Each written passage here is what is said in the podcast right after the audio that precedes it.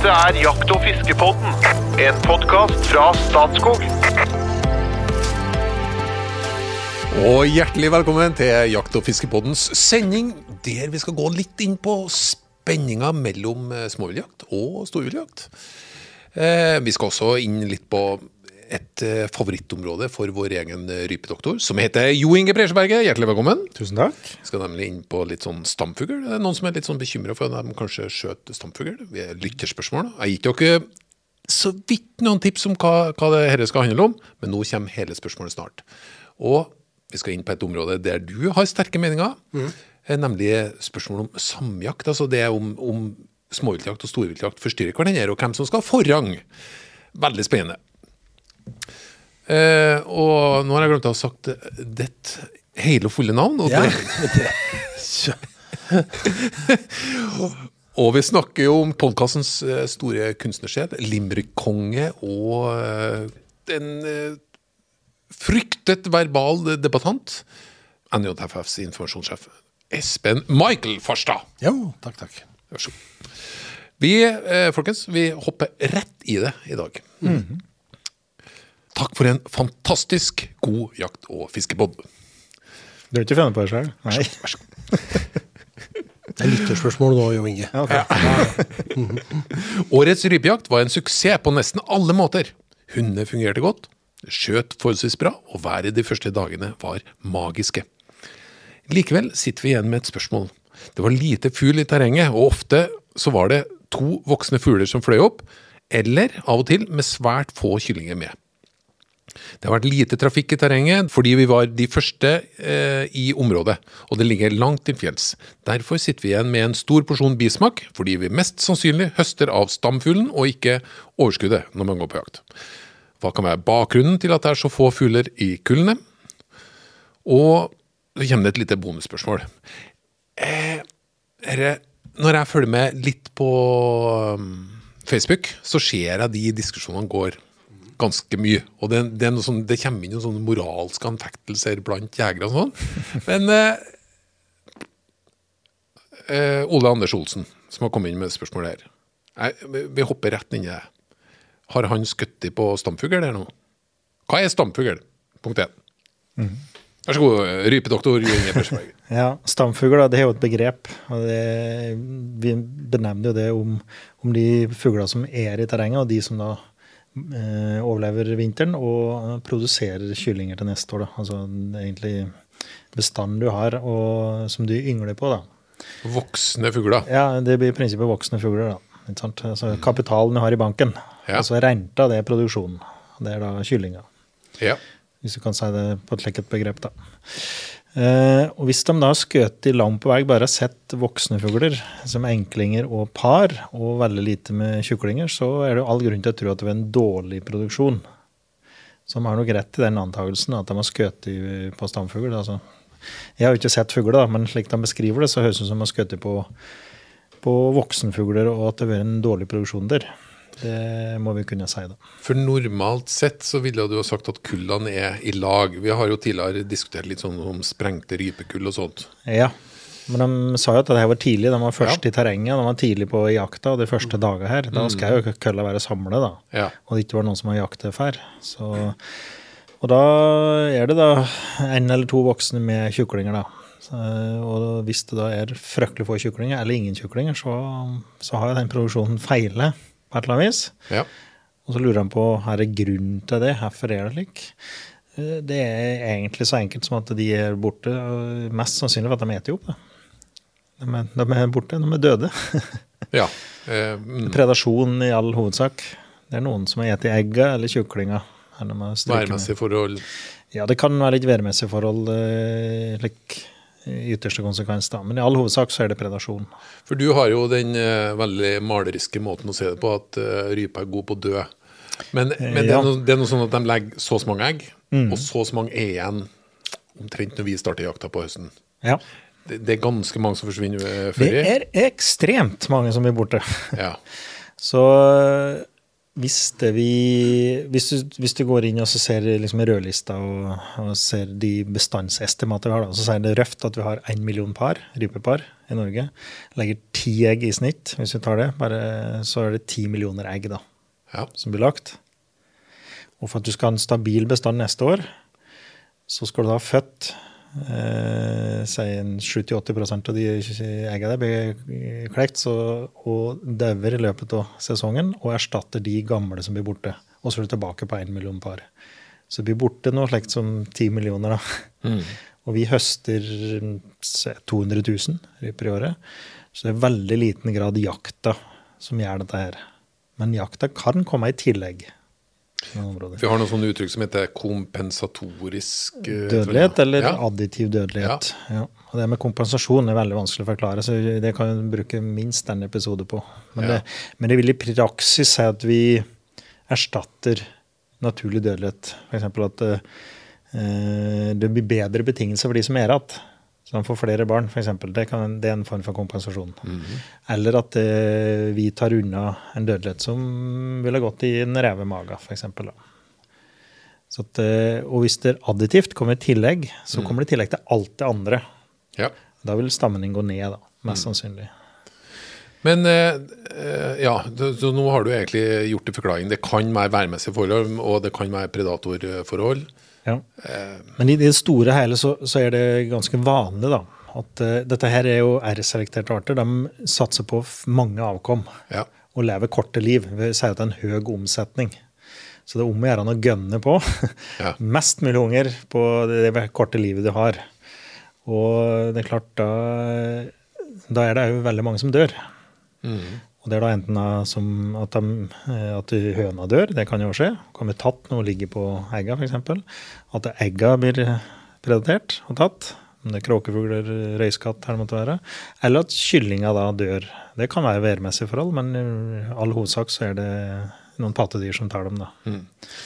Så det du ser, det er at eh, sannsynligvis så var det stamfugl. Og så sitter de igjen med en liten bismak, for de, de føler at de kanskje da ryst, eh, står i fare for rystbestand. Espen, kan du forstå det? At de kjenner litt på det der? Veldig, dette er veldig interessant, syns jeg. Og det skaper masse tanker oppi huet mitt. For det første jeg tenker, er at eh, det er flott at uh, jegere som vandrer ut i naturen, uh, gjør seg disse refleksjonene og undringene. Da, og søker svar på spørsmål og sånne ting. For at det, sier jo noe om at de, de er der ute, og de skal høste, og de skal jakte og de skal skyte, men de gjør det, de ser seg selv som en del av en større sammenheng og lurer liksom på gjør vi noe feil nå da, liksom, og sånn, og er oppmerksomme. Det er helt naturlig. Og, ja, og det, ja, det er naturlig, men det er blitt mer og mer naturlig. hadde sagt. Altså, Ja. Med åra så har jo dette vært en utvikling som vi har gått imot. ikke sant? Og vi øker stadig kunnskapsgrunnlaget ikke sant? om bestandene som vi jakter på, ikke minst rype. da. Eh, og da? Vi går takseringer og vi, vi gjør vurderinger, og vi, og vi setter jo kvoter. I år skjøt vi ja, eller Nå skyter vi 150 180 200 000 ryper. ikke sant? For det er ikke mange åra siden vi skjøt 500 til en million liksom, på, på en jaktsesong. Så at her har vi, her har vi liksom jenka oss litt etter behovet for hva skal vi si, å ha en kunnskapsbasert forvaltning da, og være litt mer forsiktig i uttaket. Og så gjør man seg sånne refleksjoner rundt dette. Det, det syns jeg er bra. Men så det er liksom en annen side av det.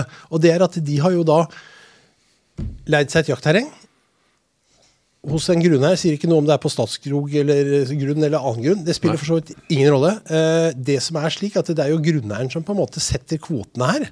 For hvor mye som skal tas ut. Eh, og vi er blitt mye flinkere da også på, på grunneiersida, vil jeg si, å å styre uttaket litt lavere.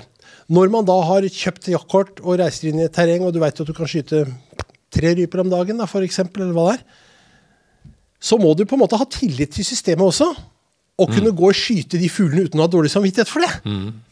Sant? Så det ene følger av det andre her. Det er flott at de reflekterer, men kanskje var det stamsfugl de skjøt på. Men hva så, da? Det er jo gjort en vurdering av bestandene i terrenget der. Og den vurderingen som er gjort der, den er jo bygd på mye større empiri enn det de har, som har bare vært i terrenget noen dager og jakta. Her er det gjort takseringer og vurderinger og, og, og, ikke sant? i et helt område. Vi må ha litt tillit til systemet òg. Ja.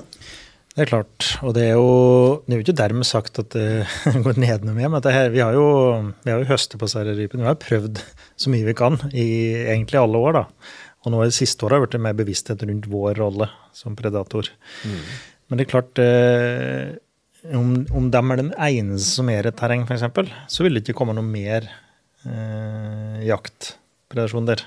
Hvis de har leid et terreng for seg sjøl, så, er, så er det på en måte dem som er eneste jegeren som er der. Er det på Statskogsgrunn, så kan det være at det kommer nye jegere.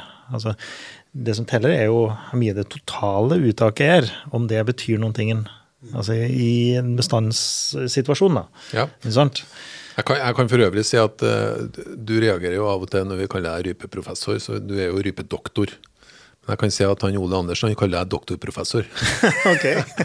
Bare så du vet det. Ja, det har ikke småtterier. No pressure. Men det, med, det er bra Det er bra at man leker litt med språk her og holder på med det, for det bringer meg over til en limerick, nemlig. Ja, ja fordi at uh, stamfugl, stammefugl Jeg vet ikke. Jeg har lagd en liten en her om, om dette. En stammehøvding på jakt ifra ed var blant den som faktisk bestred at å skyte stamfugl var feil.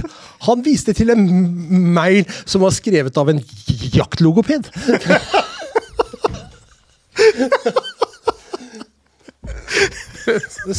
Stammefugl.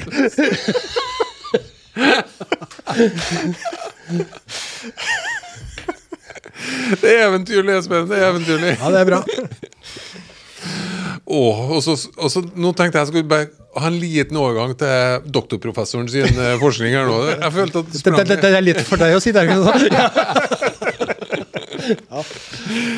Men du, eh, Espen snakker jo mye om høste av naturens overskudd, og så er det et litt sånn småvanskelig begrep av og til. Eh, I din rypemodell, da, som Ja. har blitt Statskog sin rypemodell, der tar vi hensyn til to ting. Det ene er det et høstbart overskudd. Altså hvor mange kyllinger får eh, eh, parene. Og det er gjennom eh, linjene. Man sjekker da hvor, hvor mange ryper som flyr opp ja. langs en takseringslinje. Det må være nok kyllinger, ellers så ser du at nei, da, da skal vi stenge for jakt. Ja. Så du ser ikke at det er veldig lite kyllinger, men kjempemye ryper. For at du stenger det uansett om det, hvis det er lite kylling. Er du med? Ja. Den her snakker om jeg frykter stamfugl, men Ja. du sier at det eneste du frykter, det er for liten kyllingproduksjon. Ja. Nå må du svare. Ja, ja. Eh, for det er jo mange måter å gjøre det på. Og lovverket har jo definert at det skal være et overskudd, som Espen sa, et høstbart overskudd.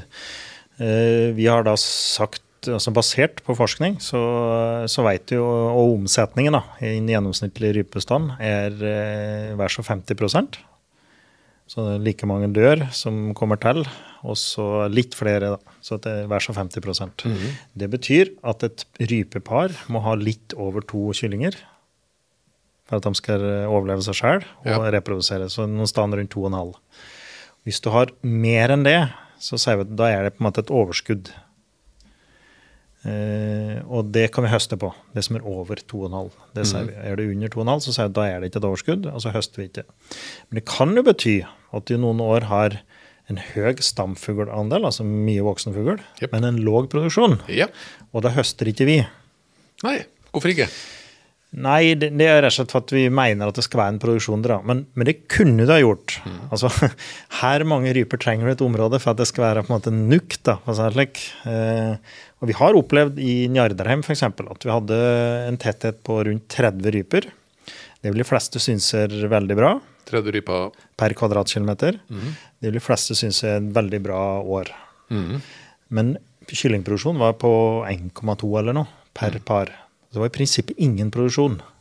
Hvis du hadde høstet da, og vi vet at du kan høste ganske effektivt der, så hadde du tatt ned stamfuglbestanden din. Yep. Og det behøvde ikke ha noe å si for neste år. De legger jo tross alt 10-14 egg, så det, det er jo veldig fort å ta den opp igjen. Men vi velger da ikke høste på den da, bestanden. Og motsatt så kan du ha ganske få stamfugler, eh, og, men at de har en bra produksjon. Og så høster vi på den likevel, og det er på en måte tilbake på stedet hvil fort. Da du, Da øker ikke bestanden heller. Så, så det kan være en, jeg skal si, en kritikk da, til den måten vi gjør det på. Men, men allikevel så har du produksjon. Det blir, liksom, det blir rart å ikke ta hensyn til produksjon. Så det er en slags forsiktighetsregel, egentlig? Ja, det er det. Du, du lar godår få lov til å være gode år, men Ja. du, du passer hele tida på produksjon. Ja. Var du med, Espen? Jeg henger med. Bra. Ja, Det var et eh, det, bonusspørsmål der, skjønner du, Ja, ja. som jeg ikke har tatt. Nei. Ole Anders, eh, hvor mye trekker rypene mellom terreng? Vil man fylle på terreng igjen fra andre områder? ja, det var jo et bra spørsmål. Yep. Ja. Eh, og svaret på det er ja, langt på vei. Altså, hvis du, har, hvis du tenker at du har ser rypen når de eh, skal finne sitt nye terreng, så er det jo da eh, ungfugler, og det er høner stort sett da, som trekker vekk. Eh, Haner blir i nærheten av eh, der de er født. Du kaster dette opp som, en, eh, som i et lotteri, liksom, og så sprer de seg utover i terrenget. Og de slår seg ned ofte der det er andre ryper. Det er en litt lik mekanisme de har. Okay. Ja. Eh, og det er klart, eh, hvis du da Si at du er i på en måte indrefileten. Det, det er et område som alltid er ryper. Vi har noen eksempler på det. Det er noen områder som alltid er bra. Når du takserer dem, så er det noen som selv i dårlige år så har de mer ryper enn de dårlige terrengene har i gode år. Er du med? Og, og så høster du veldig hardt i de områdene, så kommer det et år etterpå så er det like mye ryper. Det.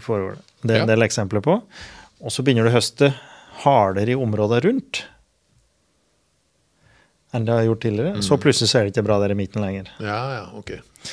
Så det, det, alt dette henger jo sammen. Du Så jevner ut seg. Det jevner ut seg. Du må jo ha en, må ha en enhet da, som du forvalter ryper i. Ja. Og den kan være 500-600 kvadratkilometer, altså som, mer som en kommune. Og at du når da de rypene som er i det området. Og hvis du da bare høster knallhardt i ett område, så er det avhengig av at du ikke er det alle steder. Så vi smart å ha sånne store statlige grunner og sånt da? For eksempel. Eller store områder, i hvert fall. å, å gjøre det på. Og hvis du høster i et område, så Og det er på en måte jeg skal si, det egner rypehabitat, da. det er der de vil være. Så vil du fylle på fugl fra nærliggende områder. Men det betinger jo at det er fugl å fylle på. Ja.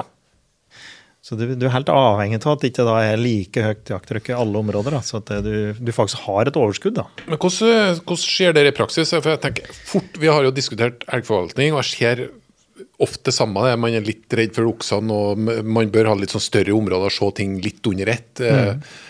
Det gjelder jo også her, da, men er det, så, er det sånn at ulike grunner snakker med hverandre? Det er nok litt varierende, altså. Det er det. Eh, Jeg tror ikke vi har kommet helt dit ennå, at vi klarer å samarbeide på store arealer. Det er nok mer hvert sitt område. Akkurat som i elgforvaltningen. Det tar litt tid å komme dit. Blir det allmenningens tragedie? Liksom, Litt hvis- allmenningens tragedie, Ja. hver man tenker på sitt. Og så er det jo ikke slik at du fyller opp i løpet av sesongen. Det vil jo da være først neste år. Ja. Du får, så har du skutt vekter, så i den, den høsten, da, så vil du ikke fylle på nye ryper der samme høsten. Mm. Det er først til neste år, da. Det er ledig plass der. Så ja, de fletter seg, og du vil få påfyll, men det betinger at det er noen sted å fylle på ifra. Hvis det hadde vært så lite stamfugl som en Ole Anders eh, opplevde, hadde du stoppa da? Hvis, Stoppa jakta? eh, ja, hvis det hadde vært mitt terreng, Så eller lite jeg jakter, så- kylling? Ja. Kyllinger, ja. Ja. Mm. Og bare stamfugl, så hadde jeg høstet veldig forsiktig. Jeg hadde gjort det. Jeg hadde ikke tenkt at det var greit. da. Ja, men du, nå er du på en annen mann sin grunn. Ja. Der det satt en beregning av kvote osv. Da hadde du stoppa? Ja. ja. Eh, Espen, hadde du stoppa?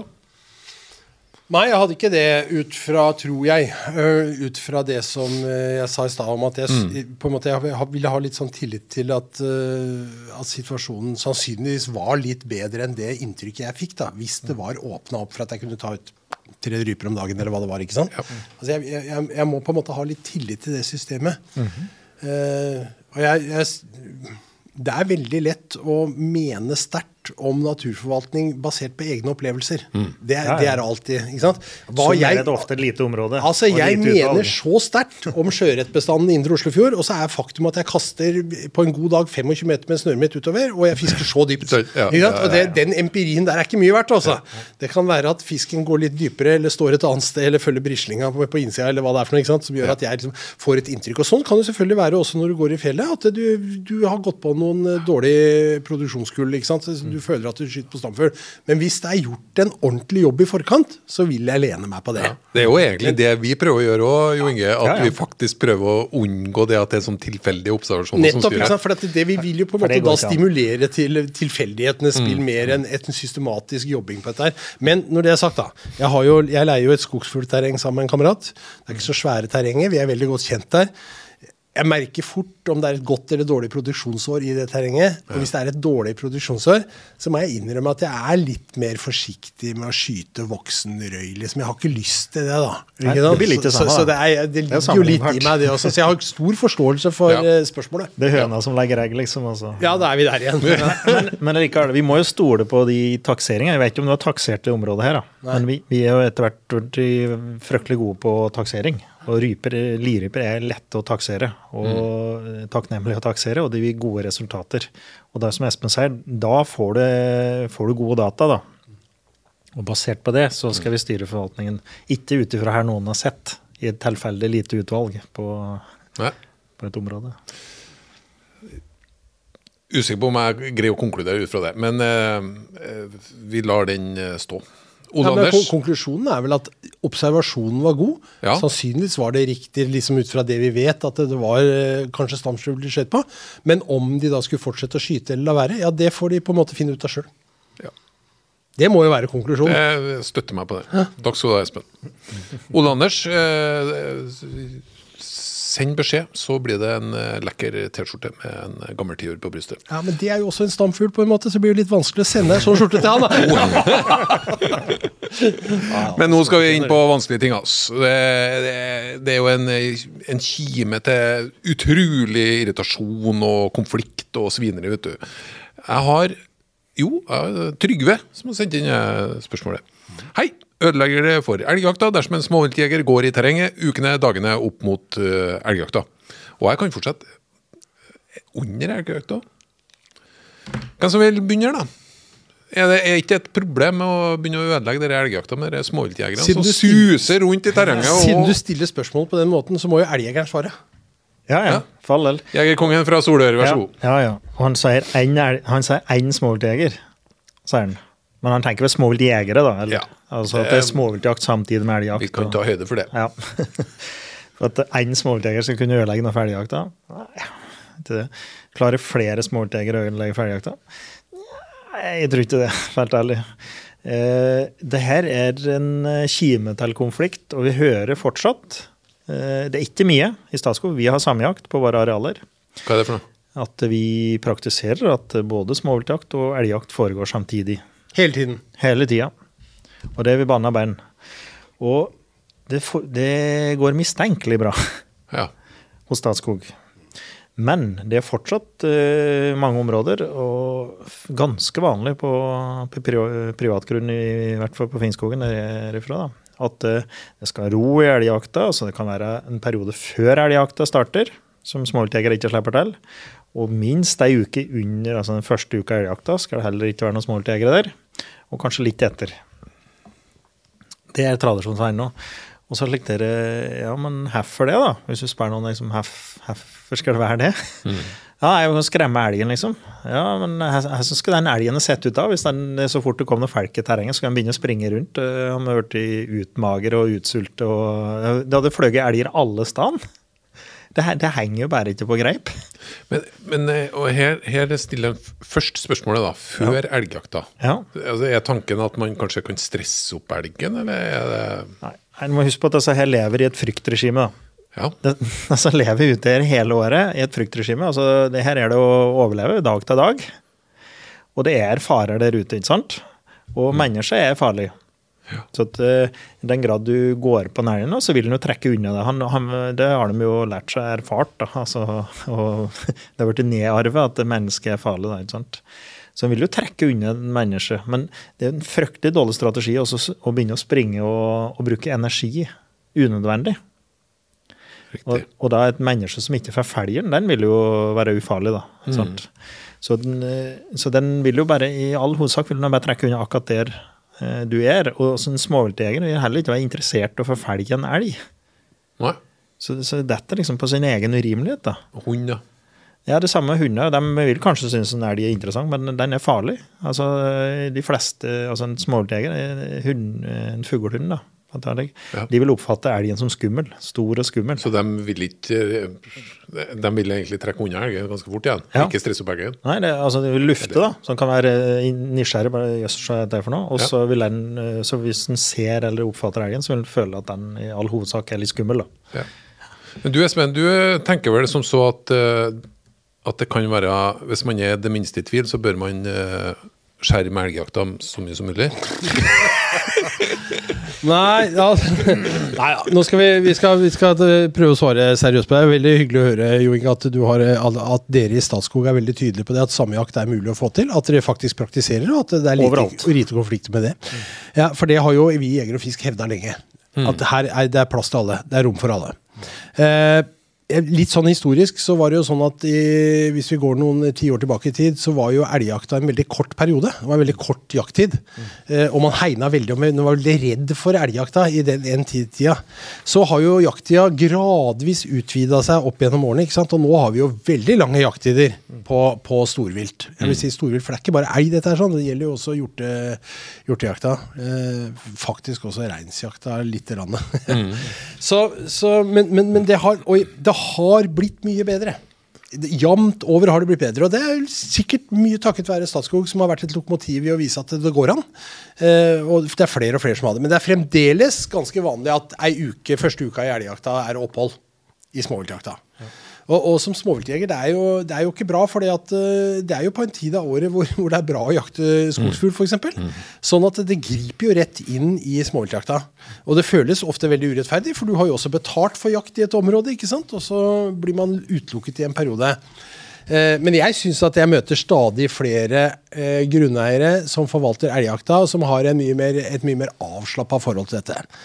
Det er verre på Vestlandet med hjortejakta. Absolutt. Mye verre.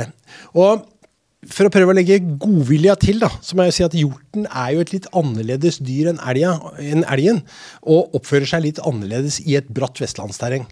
Eh, det kan være slik at hvis eh, man pløyer inn i det terrenget og skulle prøve å se om det var noe årfugl i line liksom, og går inn der sånn, så flytter du på hjorten veldig fort, for den er mye varere, og den stikker jo faktisk unna. Eller beveger seg opp terrenget og, og vanskeliggjør kanskje en hjortejakt den dagen hvis det skulle skje. Så jeg har en viss grad av større forståelse for det her, men, men jeg syns jo at uh, det fins et Det er åpenbart et kjempepotensial for å kunne få til noe småviltjakt på Vestlandet, som i dag i praksis nesten er stengt. Du kan nesten ikke få slippe bikkja di, fuglehunden din, og gå på fuglejakt i, i, i store områder på Vestlandet i dag. Så der er samjakt et problem. Og det er en forutsetning da, for å ha lang, lang i, at du faktisk skal ha samjakt. Det vil være greie. Og vi krever at eh, småviltjegere eh, gir beskjed. Da. At, eh, for da, da vi legger ut alle jaktledere på storviltjakta. De ligger på nettet. Og at du bare gir beskjed. Så, så er jo ikke det noe problem, så lenge man prater sammen. Men, men den som tilsynelatende plages, er storviltjegeren. Men den som har ansvaret for å rydde opp i det, det er småviltjegeren. Ja, det er det er jo også smått provoserende, liksom. Ikke sant? Folkens, Så, ja. vi skal ned for landing. Vi skal ned for landing, jeg syns det ble sånn, sånn, det ble sånn god, det var, det var sånn god klang til slutt. Det, Samstemt, det, det snakker jo om å ha samstemte samjaktløsninger. Ja. Eh, vi sneier innom et vanskelig valg.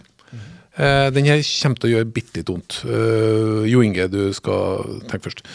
Vil du kun høre trønderrock resten av livet, eller mest to fingre på venstre hånd? To fingre. Du spør en gitarist, liksom? Ja, Kan jeg velge fingre? det, det tenkte ikke jeg på, faktisk! Altså, du har jo Kom igjen, kom igjen, Sven. Se det, da. Kom igjen, da. Se det inn i mikrofonen. Ja, ja jeg, jeg ville da valgt å miste to fingre eh, hvis jeg kunne velge det for mitt sted. Og jeg ville spilt som Django Reinhardt resten av livet. Ja. Han var litt fingerløs. Vi kjører hot or not fede ut. Ok. Eh, Jo Inge først. Venstrekjøring, hot or not? Eh, not. Not. Autokorrektur, hot or not? Hot. Not. Non-figurativ kunst, hot or not? Eh, not. Hot. Eric Clapton, hot or not? Ah, hot. Clapton, ja, det er jo terningkast tre. Det er, TV-serien Borgen, hot or not? Aner ikke hva det er. Hot. Fra DDE-albumet Wow! Låta 'Du er nydelig'! Hot or not? Ja, det må jeg være hot. Et rungende hot i studio. Takk for følget. Velkommen tilbake neste uke.